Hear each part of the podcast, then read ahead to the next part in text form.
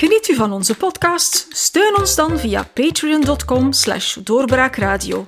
Met een klein bedrag per maand helpt u ons om dagelijks het politieke en maatschappelijke nieuws op de voet te volgen. Of word VIP-lid en dan kan u deelnemen aan onze live events en live chats. Surf dus snel naar patreon.com slash doorbraakradio. Bedankt voor uw steun.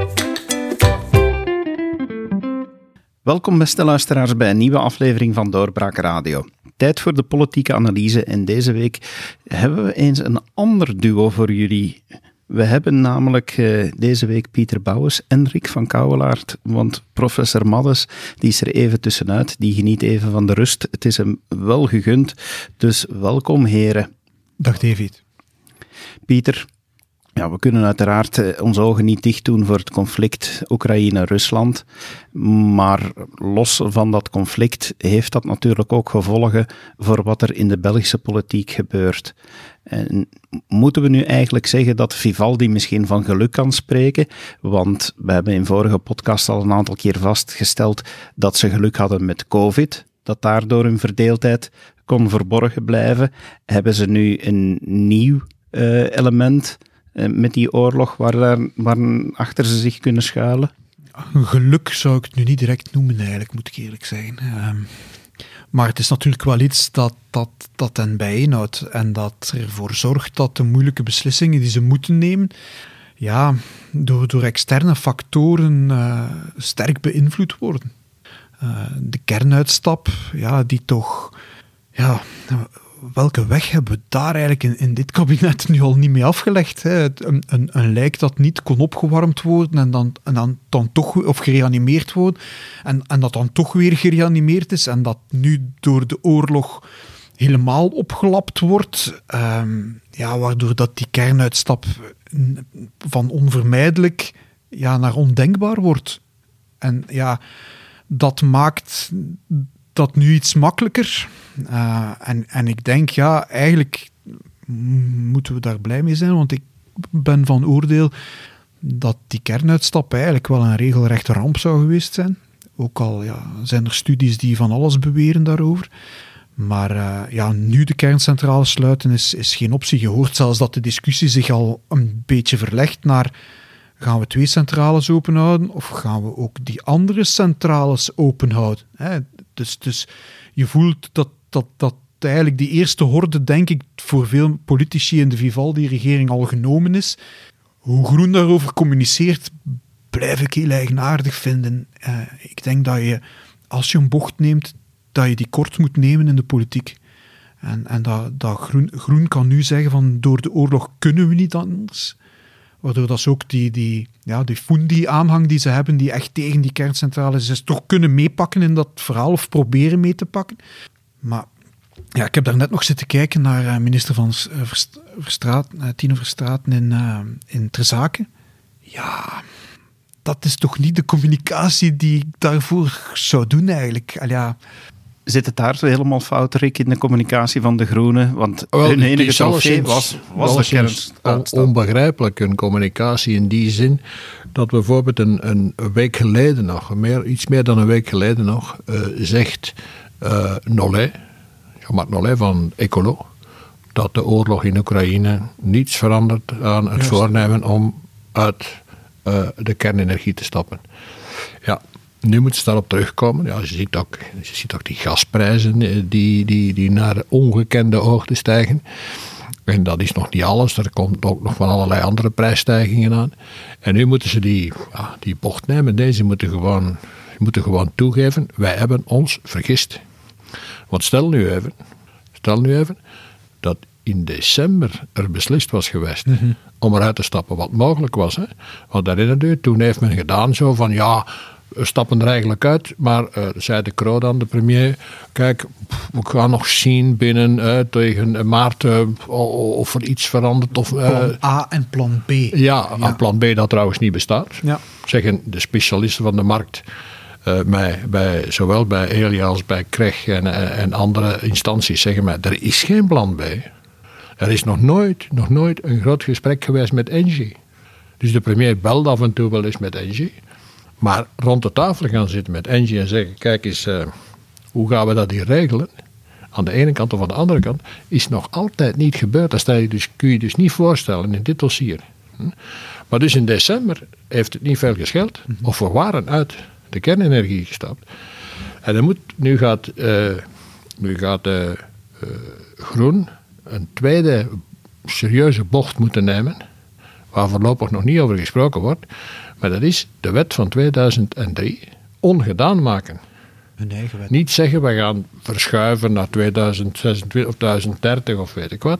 Nee, nee. De toekomst zijnde wat hij is, gaat men moeten zeggen. De zogenaamde kernuitstap wordt eigenlijk ongedaan gemaakt. Want zelfs de Duitsers beginnen nu toe te geven dat ze ja, toch wel een serieuze flater hebben begaan door dat te doen. Dus groen staat, voor groen is aan, aan dat dossier eigenlijk geen goede kant meer. Nee, en bovendien, net, bovendien zal men ook in het, het, het gevoel bij de consument, zullen we zeggen, die aan de pompen zoveel moet betalen, zeggen dat moet de fout van de groen. Wat ook niet waar is natuurlijk. Maar dat is het gevoel dat eraan vastzit. Omwille van het feit dat zij zodanig in hun denkramen vastzaten, dat ze gewoon de politieke en economische realiteit hebben genegeerd. En die, die prijs gaan ze betalen. Ja, want er zijn veel uitspraken waar ze nu moeten op terugkomen. Want ja, uranium bestellen was niet meer mogelijk. En uh, we gingen maar voor 4% van het Russisch gas af. Allemaal, En uranium allemaal, komt ook uit Rusland. ja, allemaal zaken die nu toch terugkeren naar groen. Ja, dat zijn van die dingen die als boemerang terugkeren. Hè?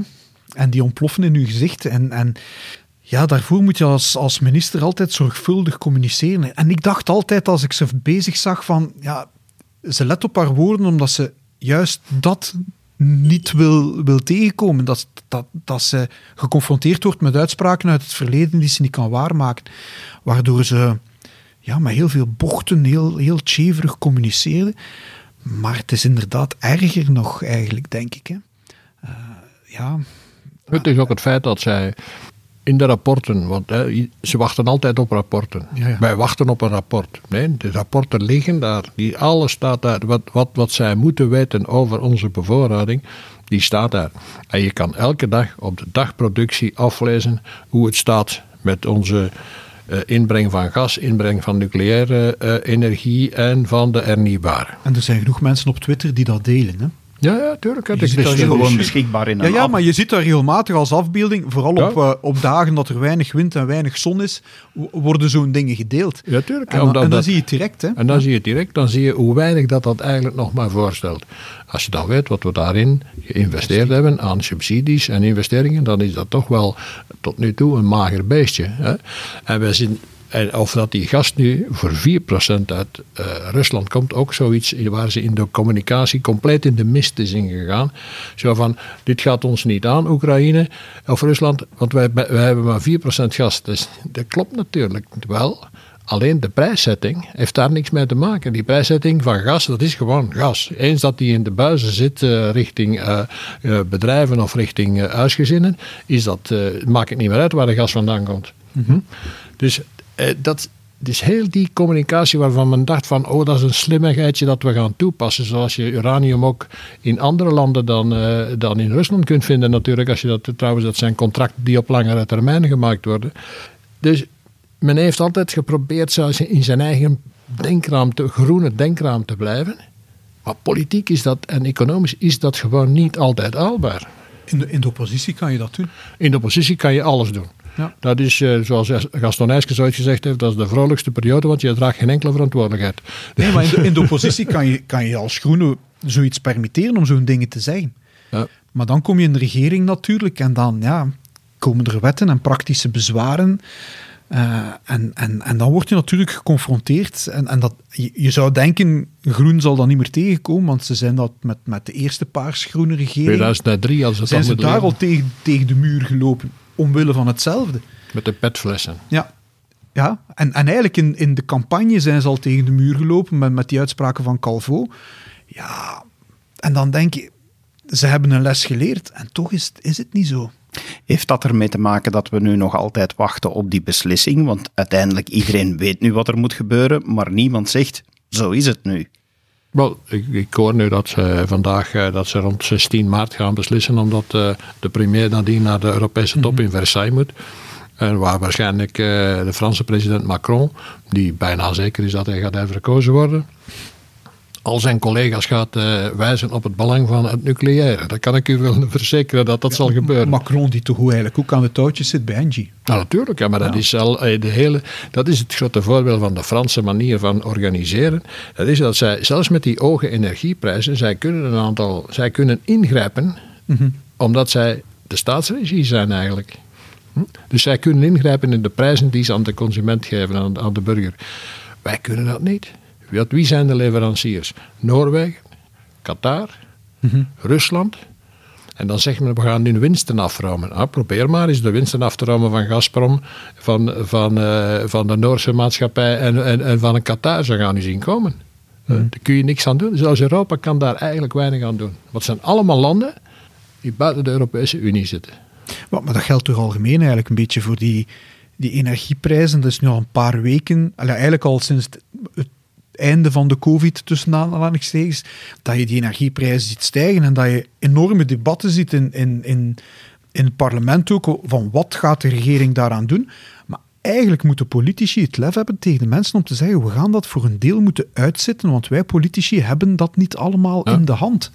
Het enige wat ze in de hand hebben is de taxen die ze erop heffen. Ja, nu kunnen ze die, die, die, dat, dat systeem kunnen ze nu omdraaien. Ze kunnen een aantal taxen verlagen. De BTW bijvoorbeeld. De pomp is, schijnt het de helft te zijn. Uh, Ik ben geen specialist, moet ik eerlijk toegeven. Ja, maar dat is, dat is ongeveer zo. Hè. Dan, Daar kunnen ze inderdaad wat aan doen. Maar dan zit je natuurlijk weer als regering met de budgettaire beslommeringen. Hè. Bovendien zit je nog zoiets. Dat alles schrijft in elkaar. Het is eigenlijk bijna een perfecte storm. Hè. Dus je hebt, je hebt de, de, de groei die als gevolg van wat er in Rusland en, in Oekraïne gebeurt, de groei valt terug. Waarschijnlijk rond de 2%, misschien minder. Als je de, groei hebt van minder dan 2%, dan kom je met, je met je pensioenen in de problemen en met je sociaal systeem. Want dat sociaal systeem, om dat overeind te houden, moet je minstens een groei hebben van 2%. En liefst nog meer. Dus die heb je niet meer. Dus het komt, alles komt samen. Ja, daarbovenop heb je dan nog de inflatie. Hè? Dan de inflatie, ik zei dat. Uh, ja. Dus wij nog over de inflatie dus komt er nog bovenop. groei, een hoge inflatie. Stagflatie. Ja, maar goed. Uh, en, en dan komen we op het punt waar we in deze podcast eigenlijk al heel vaak gezeten hebben. Door ja, het, het slecht politiek beheer van de voorbije decennia is hier geen ruimte.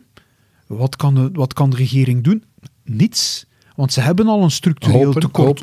Zij kan hopen dat waarschijnlijk nu ook gaat gebeuren. Trouwens, hè, je hoort het al aan de discours van, uh, van Vestager en van mhm. Ursula von der Leyen. Ze gaan, ze gaan de begrotingsnormen een beetje. Hè, ze gaan wat, de Maastricht-normen gaan niet meer zo strikt toegepast worden. Op lange termijn is dat ook geen oplossing. Hè? Natuurlijk niet. Ja, maar hey, het is gewoon uitstel van executie. Hè? Ja. Hè?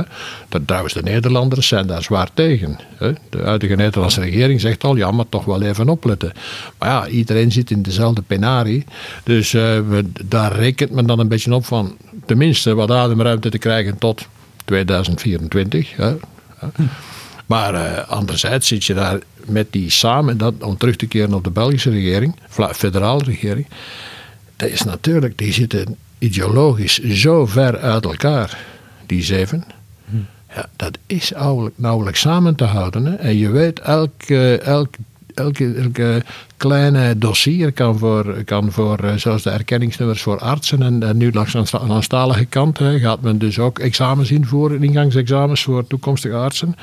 En die nummers zijn uh, bepalende erkenningsnummers. Maar ook dat is een probleem. Dat is dan weer een, een, een communautair probleem dat nog altijd niet geregeld is. Dat al 25 jaar duurt. Oh ja, dat duurt al, al ik weet niet hoe lang. Zie je, en dat komt nu allemaal samen in een regering die ja, in een ideologische spreidstand zit die nooit eerder vertoond is geweest. En die nu eigenlijk ook met de kerncentrales moet toegeven ja. dat de oppositie gelijk had. Ja, tuurlijk. Ja. ja. Ah, ja. Pijnlijk. Ja, natuurlijk. Ja. maar dus, zelfs niet alleen de oppositie, wat mij onder andere Het enige wat, wat, wat nog kan aanvoeren is dat de grootste partij die nu in de oppositie zit, N-VA, laat ons eerlijk wezen, dat probleem had kunnen regelen in de vorige regering en het ook niet gedaan heeft.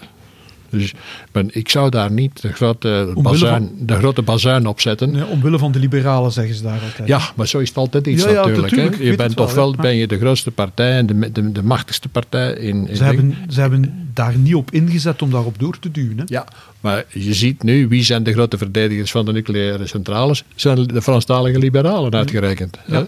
Want pas op, eh, en Meijer is daarmee aan het schoren in, eh, in, in Wallonië en in Brussel hè, met dat dossier. Ja. En opvallend, wou ik net zeggen.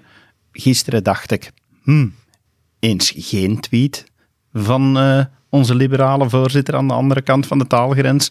Maar hij heeft niet lang kunnen volhouden. Vandaag was het vlam Ja. direct op groen. Ja, waarom? Omdat hij aangevallen is geweest eh, door, door Nollet op de RTBF. Heeft hij gerepliceerd. Want de No- Nollet, die natuurlijk moet uitleggen waarom hij, waarom hij nu een, een, eh, een tegenovergestelde zegt van een week geleden. Die zegt, ja, maar het is omdat Charles-Louis Boucher is geweest die dat dossier eh, eh, op een of andere manier verknoeid of verziekt heeft. Terwijl, ja, je mag wel wat je wil, maar Georges-Louis Boucher zegt al maanden hetzelfde. Hè? Waardoor dat hij in, in Franstalig België ook een beetje eigenaar van dat thema wordt. hè? Tuurlijk. Ja? Ja. En dat hij nu de grote man is die van Vlaam- alles naar voren brengt om, om de prijs te doen. Dat, Wat laat ons werkelijk zijn, hè, eh, Pieter. Langs Vlaamse kant heb ik weinig moed gezien op dat dossier. Hè? dat is waar. Bij geen enkele partij. Hè? weinig moed, hè? Ja. Betekent dit nu dat voor Vivaldi het nog moeilijker wordt om de grote dossiers aan te pakken? Wel, men probeert altijd, eh, de, de, de methode van, van de Kroo lijkt altijd te zijn zo pakketjes maken. Weet je wel? Een beetje van dit en een beetje van dat. Iedereen krijgt een beetje het gelijk. Systeem. Hè? En dat is een systeem, maar ja, goed, eh, dit, terwijl deze periode, deze, deze, de, de, de gang van de wereld vergt doortastende maatregelen. Hm? Want wat ik hoor nu, dat, eh, dat daarnet dat de Amerikanen dus een absolute stop hebben gezet op de invoer van steenkool, olie en gas vanuit, vanuit Rusland. En eigenlijk vragen van de Europeanen van hetzelfde te doen. Dus dat wil zeggen dat wij 40% van onze gasinvoer, minstens 40%, gewoon moeten stopzetten. Men gaat dat niet doen, men kan dat niet doen, tenzij men economisch zelfmoord wil plegen in, in, in, in, in, eh, in Europa. Maar je ziet in welke moeilijke situatie dat je daar zit. En dus, zoals Pieter al zei, je komt, eh, je komt in een situatie waar je op de duur gaat zeggen: ja, maar jongens, eh, we gaan geen twee centrales openhouden, we gaan er vier moeten openhouden om dit te compenseren. En op zich is dat niet onmogelijk, heb ik mij altijd Nee. laten vertellen. Je moet daar op tijd mee beginnen en daar op tijd ja, het nodige onderhoud aan doen. Maar er is jaren geleden in, in Leuven een, eh, een, een denkdag geweest, een colloquium over energie, waar ook over kernenergie gesproken werd. En waar men zegt, ja, eigenlijk kan men met goed onderhoud die, eh, die kerncentrales jaren, tientallen jaren langer openhouden dan eigenlijk eh, De. Amerikanen, Amerikanen gaan uit van 60 tot 80 jaar Ja. zelfs. Ja, Terwijl wij bij ons, we staan daar sinds de jaren Dat 70. voorbeeld werd daar gegeven. Ja. Maar ja, En wat, de- en wat bij de Fransen, wat de Groen wijst altijd op wat. Ja, maar kijk eens, in, in, in, Frankrijk liggen zoveel centrales stil. Dat is juist. Dat is, wat, dat is wat zij noemen de families van centrales, die van dezelfde periode zijn. En die allemaal op dezelfde periode dan ook ja, aan een onderhoud of aan een, eh, een herstellingsbeurt toe zijn. Maar dat doet niks af aan het feit dat de Fransen heel wat, zal ik zeggen, comfortabeler zitten dan wij met hun energie. Maar ja, je ziet ook natuurlijk dat, dat, dat Groen tegelijkertijd probeert om, om wel ja, die hernieuwbare energie ook een, een schop vooruit te geven. Als ze zeggen van, ja, eh, je ziet dat ze dat ergens willen, willen compenseren en die hernieuwbare energie op de agenda te zetten. Maar ook daar vrees ik... Daar, Peter, vrees ik dat men bezig is een tweede, een tweede geldverslindend Ja, dossier aan dat het is net openen. wat ik wou zeggen. Dat is de, Ja. dat is de groene, zogenaamde groene moleculen, de, de, de, de waterstof. Waar je dus, zoals een, een ingenieur mij ooit, uit, mij ooit heeft uitgelegd, eh, zegt het is alsof je drinkwater maakt uit champagne. Mhm. Dus je hebt zoveel energie nodig om dat te produceren. En bovendien, ja, eh, als je dan in ons geval, zul je vooral gas nodig hebben om dat te produceren. Dus de uitstoot. Je moet dus een, een, een, uitstotende. eh, Maar het uiteindelijke doel is dat met hernieuwbare energie te maken. voilà. Alleen om die aan te maken, moet je gaan vervuilen. Tenzij dat je natuurlijk nucleaire, nucleaire eh, wat, wat, wat de Fransen hebben natuurlijk. en Of, te- tenzij men afhankelijk wil zijn van ja, heel wat andere landen. Men zou het ja, maar pas op. met hernieuwbare energie Ja. kunnen doen meer in Ja. het zuiden. Ja, maar ik hoor, ik, dat is, ik, hoor die, ik hoor die verhaaltjes ook. Hè. Men gaat naar Oman en men heeft daar grote velden met, eh, met zonnepanelen. Of men gaat naar, waar is het, in, in het eh, oude Zuid-Afrikaanse gebied waar men nu, eh, Botswana. Ja. In Botswana gaat men ook grote velden aanleggen. Alleen, je moet die, die waterstof naar hier krijgen. Momenteel is er niet één, één tanker die geschikt is om waterstof te vervoeren. Niet één. Dus die dingen moeten nog gebouwd worden. Bovendien weet men dat men een enorm verlies heeft op dat transport. Dus men, moet zich, men klampt zich daar nu aan vast in de groene dossiers. Maar men moet daar eens goed over nadenken. Met specialisten die daarvoor waarschuwen. Die zeggen, kijk, als je dat wil maken, heb je nucleaire energie nodig. Of anders ga je nog, nog meer vervuilen. Om waterstof te maken. Maar even terugkomen op mijn vraag van daarnet. Wat betekent dit nu voor Vivaldi? Want uiteindelijk zitten we daar nu met een partij die haar trofee verliest, die op andere punten het heel hard gaat moeten spelen. Rick, je zei het daarnet al, een regering die dat ideologisch heel ver van elkaar staat, in een enorme spreidstand. Wordt dat nu nog moeilijker en gaat dat gevolgen hebben voor alle andere dossiers? Ik denk maar bijvoorbeeld aan het pensioendossier dat nog op tafel moet komen. Ja, dat moet nog op tafel komen, want wat, wat Lalieu daar nu op tafel heeft gelegd, was iets dat al verworpen was. Dus die is daarmee nog eens teruggekeerd met een dossier dat waar iedereen zegt, dank u wel, dat hoeven we niet. Dus dat, eh, eh, dat is al één. Dan heb je de, de fiscale hervorming, die nood- noodzakelijk is. Maar wat mij in deze nu opvalt is de absolute stilte van de PS. De PS die nogthans ook gezegd had, herinner u, Magnetti zei nee, nee, nee, nee, het is een uitgemaakte zaak, dus een nucleaire centrales gaan dicht, die zwijgen nu. En de PS heb ik de indruk, die zijn momenteel naar de uitgang aan het zoeken. En die uitgang die gaan ze vinden, denk ik. eh, eh, als ze het doen, dan gaan ze dat doen in 2023. Op het moment dat de nieuwe sociale akkoorden moeten worden gesloten. En dan gaan zij zeggen, eh, dank u wel. Want zij zitten zo vast, zo vast tussen eh, aan de ene kant ja, de realiteit en de andere kant de PTB. De PTB, heb, heb, heb je die gehoord in, het, eh, in de sluiting, of in, in, het, in de kernuitstap? Ik niet, hè? Ik heb ze niks horen zeggen. Ik hoorde die ook niks zeggen over eh, eh, andere zaken. Over, over Oekraïne zwijgen die als vermoord natuurlijk. Hè? Dus die, eh, en, en die komen alleen op die zeggen: ja, maar nee, maar de, de regering moet wel iets doen aan die prijzen aan de pomp. Hè? Ja. Hè? Die zijn niet voor de afschaffing van de bedrijfswagen. Hè? We moeten er eens goed op letten. Nee, nee, die komen op voor het feit dat, dat de prijs aan de pomp naar beneden moet. De consument. Zie je? En het is ook een discours dat zij. Ja, ze, ze zitten in die regering, ze moeten daar iets aan doen en ze kunnen niet. Dus die gaan vroeg of laat, eh, gaan die dit hier, want ja, deze regering is een, ja, die, die, die strompelt voort als een zombie, hè, momenteel. Die, die, die, die, niemand weet waar dat naartoe gaat, hè, zoals je zelf zegt. Er zijn nog een pak dossiers die moeten geregeld worden. Hoe ga je dit doen? Met een partij hè, die nu, ze noemen zich één partij, Groen en, en, en Ecolo, ja, die razend gefrustreerd uit, uit dit dossier komen. Nou, altijd gevaarlijk, een gefrustreerde partij. Het, het verhaal van de val van de regering is eh, toch een verhaal dat ik meer en meer hoor. Dat meer en meer mensen zeggen, ah, Pieter, ja, dat eh, interprofessioneel akkoord, dat is een kaap die de Vivaldi-regering niet meer zal kunnen nemen. En dan zit je natuurlijk met een, met een partij, Groen, hè, die trofeeloos de regering moet verlaten. Hè. Ja. En dat zou het nog wel eens, eh, ja, dat zou pikant kunnen worden. Pikant dan ook naar de toekomst om nog een volgende regering te kunnen vormen.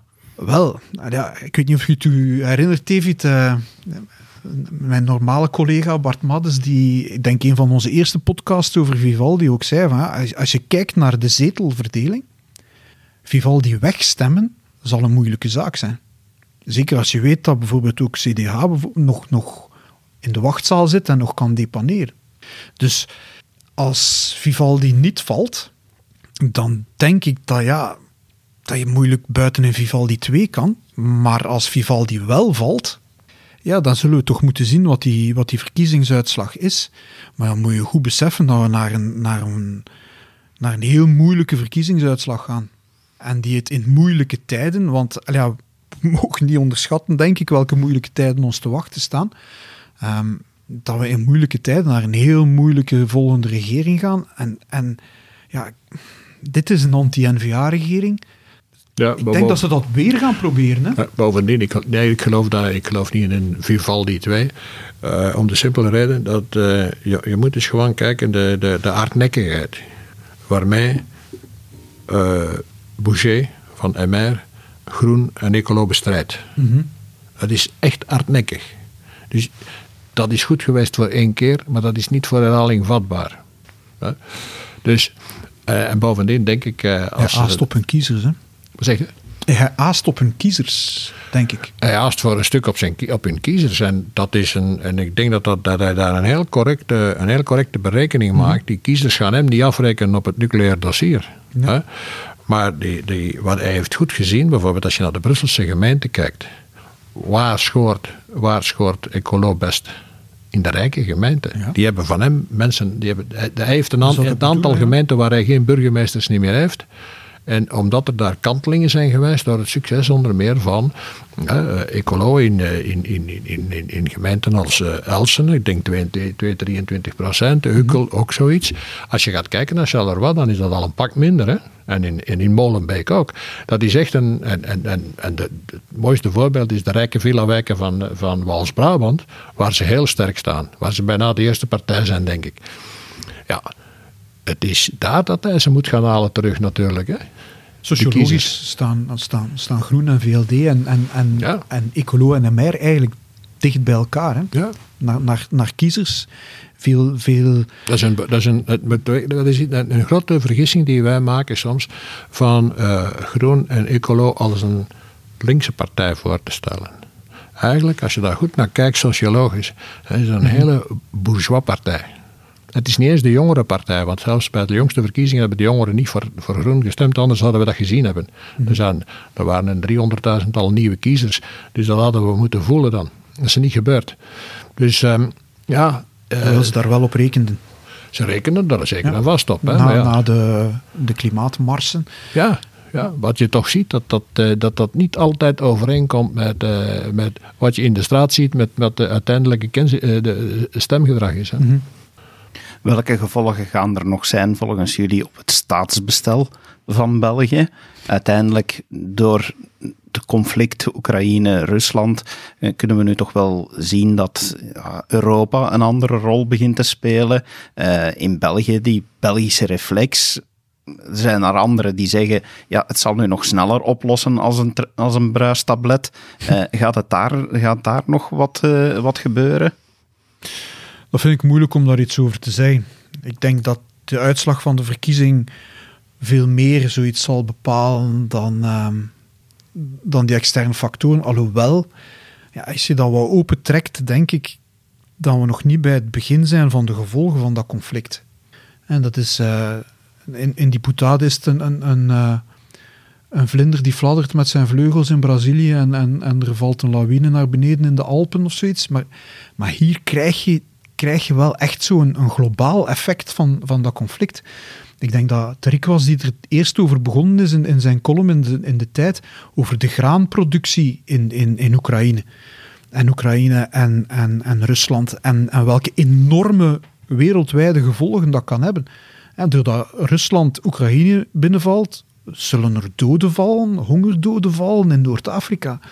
En, Dat is en- gebeurd met de, met, de, met, de, met de Arabische lente. Ja, de Arabische lente is, een, ja. is, een, is Ja. een gevolg van zo'n van, van crisis. in stijging van broodprijzen. En dus dat kun je hier weer krijgen.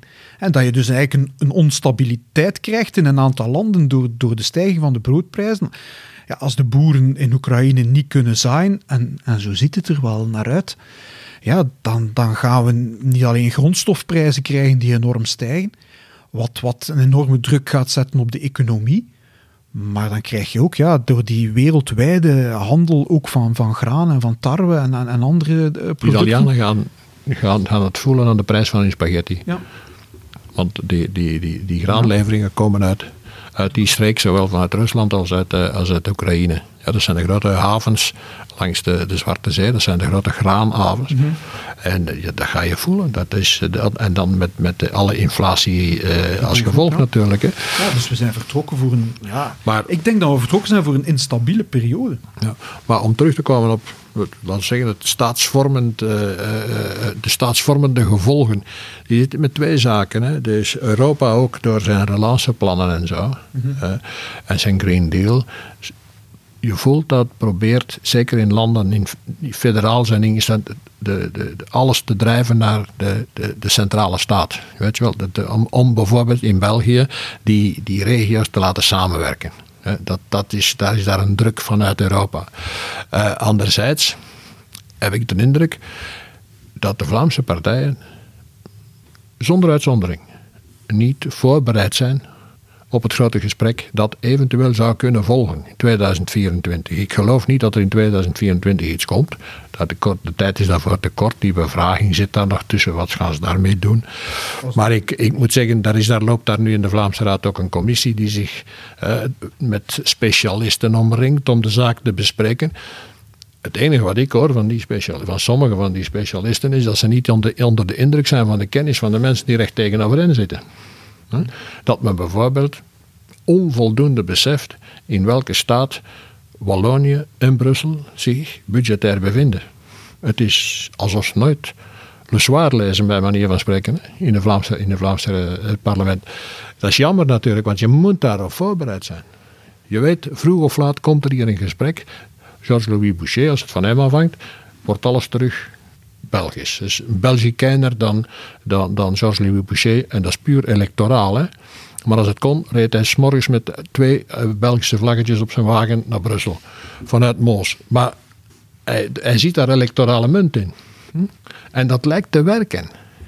Men heeft gezien, ja god, eh, die, die corona, de overstromingen, dat werkte toch precies niet allemaal zoals het hoorde. Terwijl wij, in, in, bij manier van spreken, in, in, in Zwitserland meer, meer ministers van, van volksgezondheid hebben, kantonaal dan, dan wij er hebben. Hè. Maar goed, hier valt het eh, nogal slecht bij de mensen momenteel. Dus, maar men moet daarop voorbereid zijn, niet te min. Men gaat iets van de meest ingewikkelde constructies die er bestaan, namelijk de bijzondere financieringswet, men gaat die moeten erzien. Ik heb niet de indruk dat daar nu al met, eh, met de rekenmachine in aanslag op, op gewerkt wordt, hè, op de partijen. Integendeel. Ik heb ook niet de indruk dat er op dit moment politiek heel veel specialisten Nee. zijn die eigenlijk echt die wet doorgronden.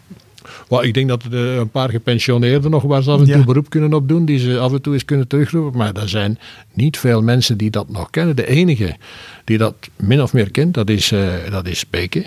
Mhm. Maar ja, die zit ondertussen bij, die heeft alle de zorgen tot boven zijn hoofd op, de- Ja, op, ja. Zijn, op zijn departement van volksgezondheid.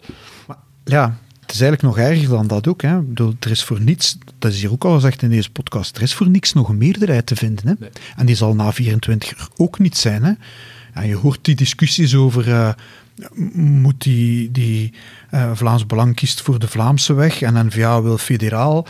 Maar federaal zit alles vast. Er is geen meerderheid om, om te herfederaliseren, te herunitariseren. Nee, maar die maar er is ook nooit een meerderheid te vinden om, om, om verder te splitsen. Dus ik, ik weet niet waar we naartoe Maar we gaan. moeten alleszins voorbereid zijn op wat, zeker als men iets een poging gaat ondernemen, zeker vanuit eh, PS-kant, Mhm. vanuit de PS-kant bijvoorbeeld, dat is het België met vier. Ja. Daar gaan ze mee naar boven komen. Ja. Dus dan moet je dan op voorbereid zijn. Wat ga je dan? En dan moet je, dan moet je inderdaad keuzes maken. Ook voor de er zijn ook geen gesprekken tussen Vlamingen en Franstaligen Oh, nee, nee, nee. En, is en niks. VA heeft jarenlang ingezet op eh, we moeten een grote deal komen met de PS. Ja, die tijd is voorbij, want zelfs een deal tussen NVA en PS gaat geen verschil Volstaat maken. niet meer. Volstaat niet meer.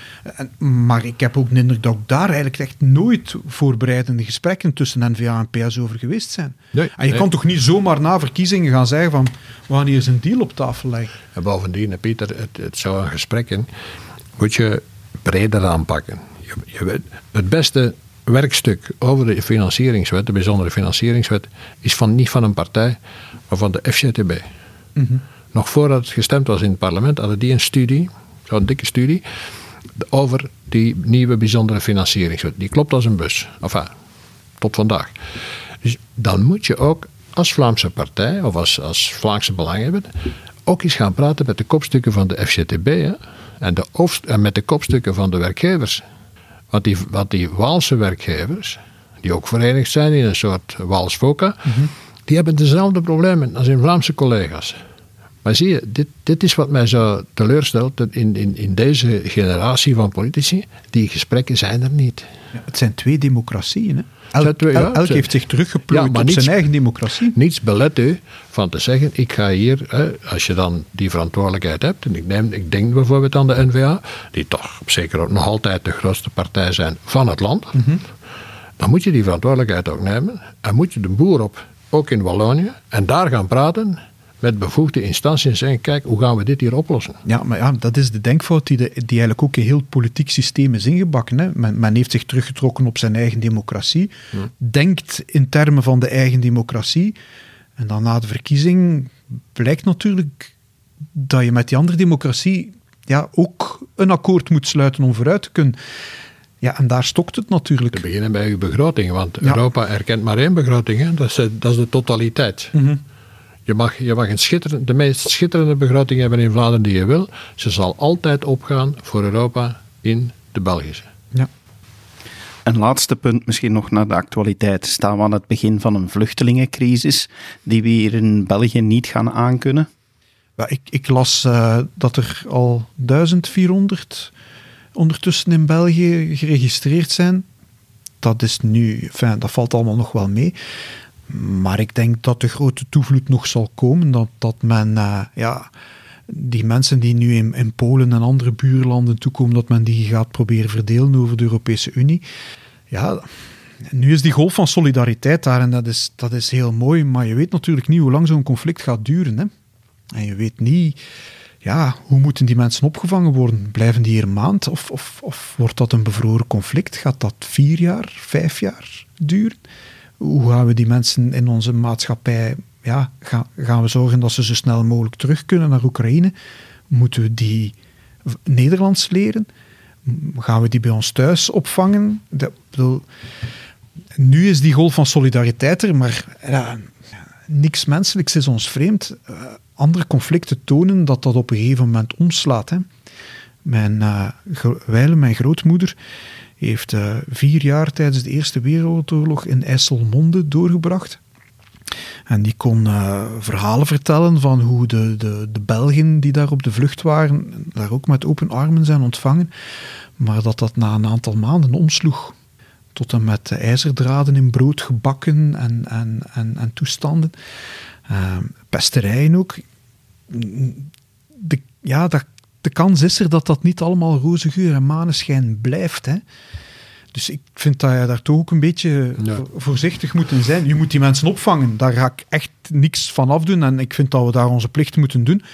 Maar ja, je moet daar toch een beetje een, een voorzichtig verhaal over maken, denk ik. Ja, en, en er is een ander gevaar aan verbonden. Dus zoals Pieter zegt, je moet die mensen opvangen. Het zijn mensen die uit, echt uit het oorlogsgebied komen. We zien het elke dag.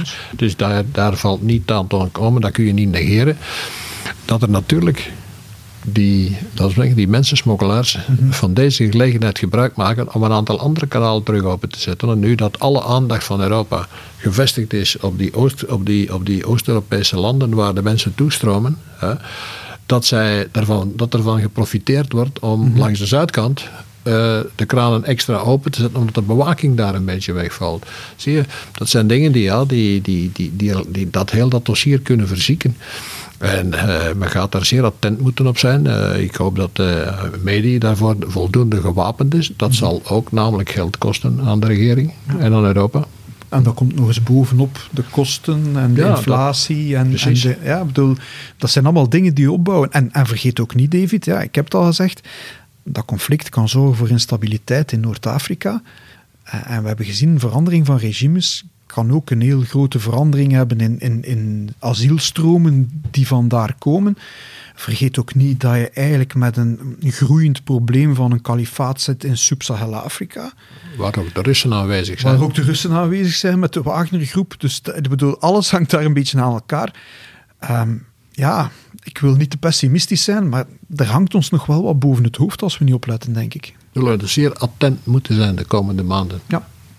Ik denk dat dat dan ook onze plicht zal zijn om vanuit doorbraak attent te blijven. Zeker. En met deze podcast blijven zorgen voor goede informatie. Dankjewel heren voor jullie tijd en jullie bijdrage.